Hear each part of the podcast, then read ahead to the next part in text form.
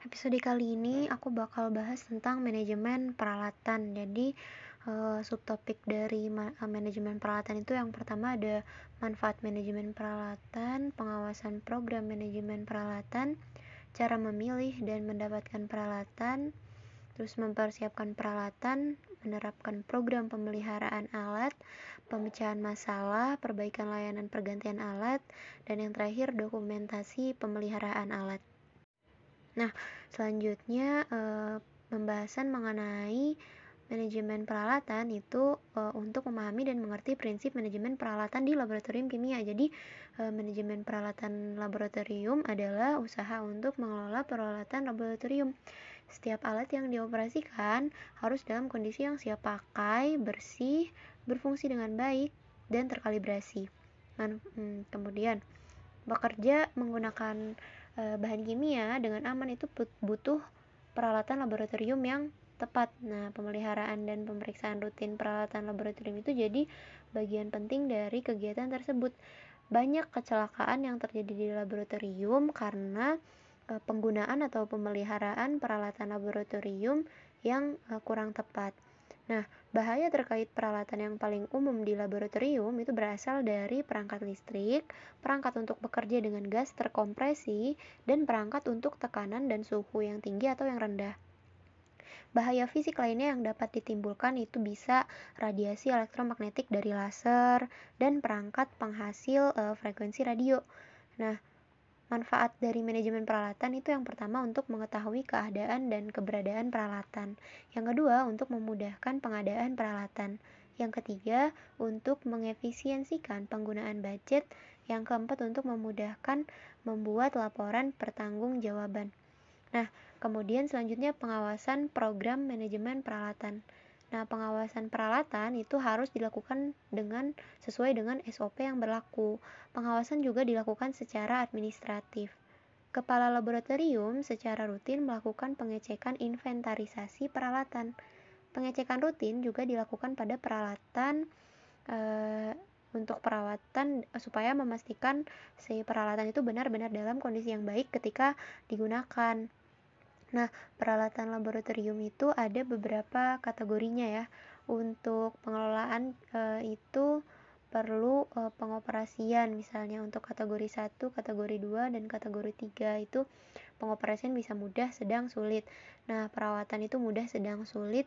Resiko itu rendah, sedang, tinggi itu untuk kategori 3 Uh, jadi uh, ini berurut ya kategori 1, kategori 2, kategori 3. Untuk pengelolaan itu ada kecermatan atau akurasi rendah, kecermatan akurasi sedang, kecermatan atau akurasi tinggi.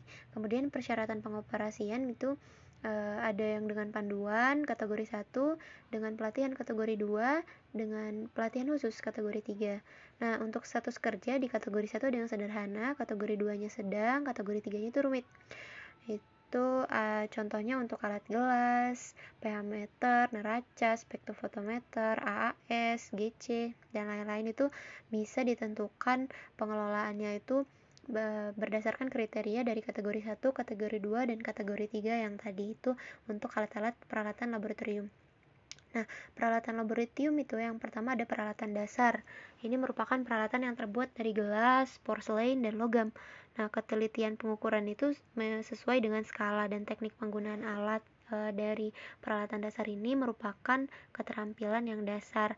Nah, peralatan e, dasar atau alat gelas ini bisa kayak uret, kemudian gelas kimia, kemudian e, bisa juga pipet, e, pipet volume, pipet ukur, Erlenmeyer. Nah, dan lain-lain. Nah, teknik-teknik dasar untuk alat-alat kaca ini yang pertama bisa menggunakan ada adalah teknik menyaring.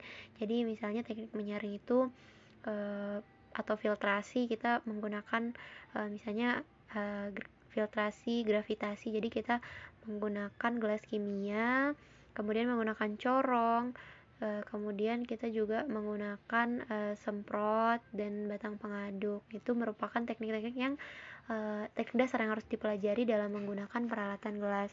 Kemudian ada juga teknik untuk melipat kertas saring. Ini juga merupakan uh, teknik dasar yang perlu diketahui dalam mengoperasikan peralatan di laboratorium. Itu teknik melipat uh, kertas saring. Nah, kemudian ada juga teknik membuat larutan. Jadi, yang menggunakan itu ada labu, pip, cara menggunakan labu, pipet, kemudian gelas kimia, bagaimana cara mengaduknya dan lain-lain. Itu juga merupakan teknik yang perlu diketahui. Kemudian ada teknik memanaskan dan menguapkan. Jadi, bisa menggunakan penangas, bisa juga menggunakan eh pemanasan yang menggunakan api maupun pemanasan listrik. Nah, itu harus sudah diketahui cara-cara penggunaan alat e, pada teknik memanaskan dan menguapkan. Kemudian ada teknik menampung gas, itu me menampung gas e, menggunakan displacement water atau menggunakan air sebagai media. Nah, untuk peralatan e, laboratorium itu ada instrumentasi. Nah, instrumentasi itu para, uh, adalah peralatan dengan presisi yang tinggi. Nah, untuk peralatan instrumentasi dengan presisi tinggi ini perlu dikalibrasi setiap kali pengukuran. Jadi, dia memerlukan keahlian khusus dalam mengoperasikan peralatan laboratoriumnya. Nah, kemudian ada peralatan keselamatan. Peralatan keselamatan dalam laboratorium itu berupa APD dan peralatan keselamatan dan keadaan darurat. Jadi, APD itu ada Google Glass atau kacamata Google, gloves atau sarung tangan, respiration atau masker. Nah, itu uh, Google and Shield. Jadi dia itu itu uh, letaknya di wajah ya untuk menutup wajah. Nah, kemudian ada aprons, kemudian ada footwear atau sepatu tertutup. Kemudian ada ear protection jadi untuk melindungi telinga. Jadi uh, itu adalah alat-alat untuk keselamatan dan keamanan ini ada iWash uh, nah untuk peralatan keselamatan dan keadaan darurat ini ada iWash station untuk mencuci mata, kemudian safety shower untuk membasuh seluruh tubuh, fire extinguisher, terus ada juga emergency lights dalam laboratorium, emergency signs, kemudian first aid kits atau uh, kit pertolongan pertama, kemudian fire detection on fire detection atau sistem alarm. Jadi kalau misalnya terjadi uh, indikasi kebakaran itu bisa dideteksi menggunakan fire detection. Kemudian ada kabinet penyimpanan bahan kimia, kemudian ada laboratory chemical hood. Nah, untuk peralatan laboratorium yang khusus itu ada gloves box sama biological safety cabinet. Nah, untuk siklus peralatannya itu eh, yang pertama itu dilakukan perencanaan. Jadi perencanaan itu apa aja alat yang mau disiapkan, kemudian pengadaan. Nah, pengadaan alat yang sudah direncanakan, kemudian pengoperasian alat, jadi alat-alatnya digunakan.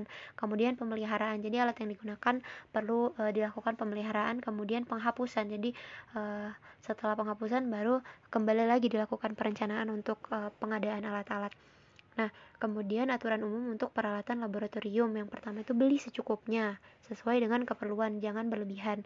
Nah, eh, alat-alat laboratorium itu dibeli untuk digunakan. Konsepnya itu alat alat rusak karena dipakai lebih baik daripada rusak karena tidak dipakai. Nah, hmm, selanjutnya ini ada uh, manajemen peralatan untuk pemeliharaan atau perawatan alat di lab pendidikan.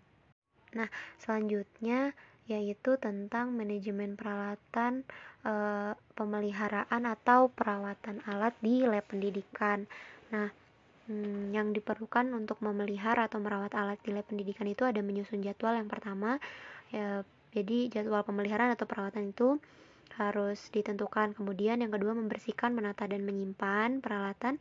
Kemudian yang ketiga membersihkan sarana penunjang. Yang keempat menata dan menyimpan sarana penunjang. Kemudian yang kelima e, melakukan kalibrasi peralatan. Nah, semua kegiatan pemeliharaan itu harus sesuai dengan jadwal dan SOP yang tersedia. SOP itu harus dibuat untuk mengatasi e, masalah perbaikan dan pergantian peralatan. Jadi, isinya SOP antara lain yaitu yang pertama tujuan, dua ruang lingkup, yang ketiga referensi, yang keempat istilah dan definisi, yang kelima diagram alir, dokumen dan keterangan kegiatan, yang keenam form, dan yang ketujuh instruksi kerjanya. Ini ada contoh dokumentasi pemeliharaan alat. Jadi, ada jadwal pemeliharaan alat. Untuk contohnya ini ada AS atau Atomic Absorption Spectroscopy. Jadi pemeliharaan yang dilakukan itu apa membersihkan grafit furnace dengan kuas halus. Jadi frekuensi yang dilakukan satu kali per bulan gitu. Pelaksanaannya itu kapan di Januari, Februari, Maret, April, Mei, Juni dan seterusnya itu di tanggal berapa. Nah, kemudian ada dokumentasi pemeliharaan alat untuk rekaman kegiatan membersihkan, menata, dan menyimpan peralatan kategori 1. Ini contohnya tabung reaksi. Misalnya ada tabung reaksi, jumlah alatnya 400. Kegiatan yang dilakukan itu ya, yaitu menyiapkan di rak, mencuci, dan menata di lemari penyimpanan. Nah, frekuensi pelaksanaannya dalam bulanan itu e, misalnya menyiapkan dirak itu setiap tanggal 2 di tiap bulan, mencuci di tanggal 1 di tiap bulan, kemudian menata di lemari penyimpanan di tanggal 1 di tiap bulan. Nah, kemudian ada dokumentasi pemeliharaan alat e, dalam bentuk kegiatan membersihkan sarana penunjang. Jadi sarana penunjang ini contohnya di sini ada tabung pemadam kebakaran. Misalnya ada jumlah alatnya 8. Jadi kegiatan e, membersihkan sarana penunjangnya dengan mengelapnya misalnya itu di tiap dua bulan sekali misalnya di tanggal 1 itu frekuensi pelaksanaan bulanannya juga perlu diperhatikan atau perlu didokumentasikan. Nah, kemudian ada dokum, uh, dokumentasi pemeliharaan alat itu untuk uh, rekaman kegiatan menata dan menyimpan sarana penunjang. Nah, tadi kan sarana penunjang ada tabung pemadam kebakaran. Jadi, setelah kita melakukan pembersihan itu perlu memasang di tempatnya lagi. Itu juga bisa dilakukan uh, sebulan frekuensinya itu bisa dua bulan sekali. Nah, untuk selanjutnya ada dokumentasi pemeliharaan alat. Jadi, uh, untuk uh, rekaman laporan hasil kaligra, kalibrasi alat kategori 1. Nah, ruang lingkup kalibrasi volume contohnya di sini ada pipet volume 10 mili, jumlah alatnya 10 buah, mereknya juga ditulis Pyrex. Hasil kalibrasinya itu juga uh, perlu ditulis jadi untuk alat satu misalnya dia memiliki koreksi plus 0,02 mili dan seterusnya. Nah, uh, itu pelaksanaannya juga harus ditulis frekuensinya misalnya dua bulan sekali. Nah, untuk keterangan juga diperlukan uh, kalibrasi sertifikat yang terlampir di dokumentasi pemeliharaan alatnya. Kemudian untuk uh, secara umum, jadi rekaman riwayat setiap alat itu perlu didokumentasikan. Yang pertama itu harus ada nama alat dan piranti lunaknya terus merek nomor seri identitas yang unik kemudian lokasinya di mana tanggal penerimaan dan mulai penggunaannya kapan tanggal kalibrasi dan rekaman hasil kalibrasinya bagaimana riwayat kerusakan kegagalan perbaikan dan penggantian komponen juga perlu didokumentasikan kemudian rencana pemeliharaan dan perawatan dan e, sumber pengadaan alatnya itu bagaimana. Hmm, mungkin sampai itu aja untuk bagian manajemen peralatan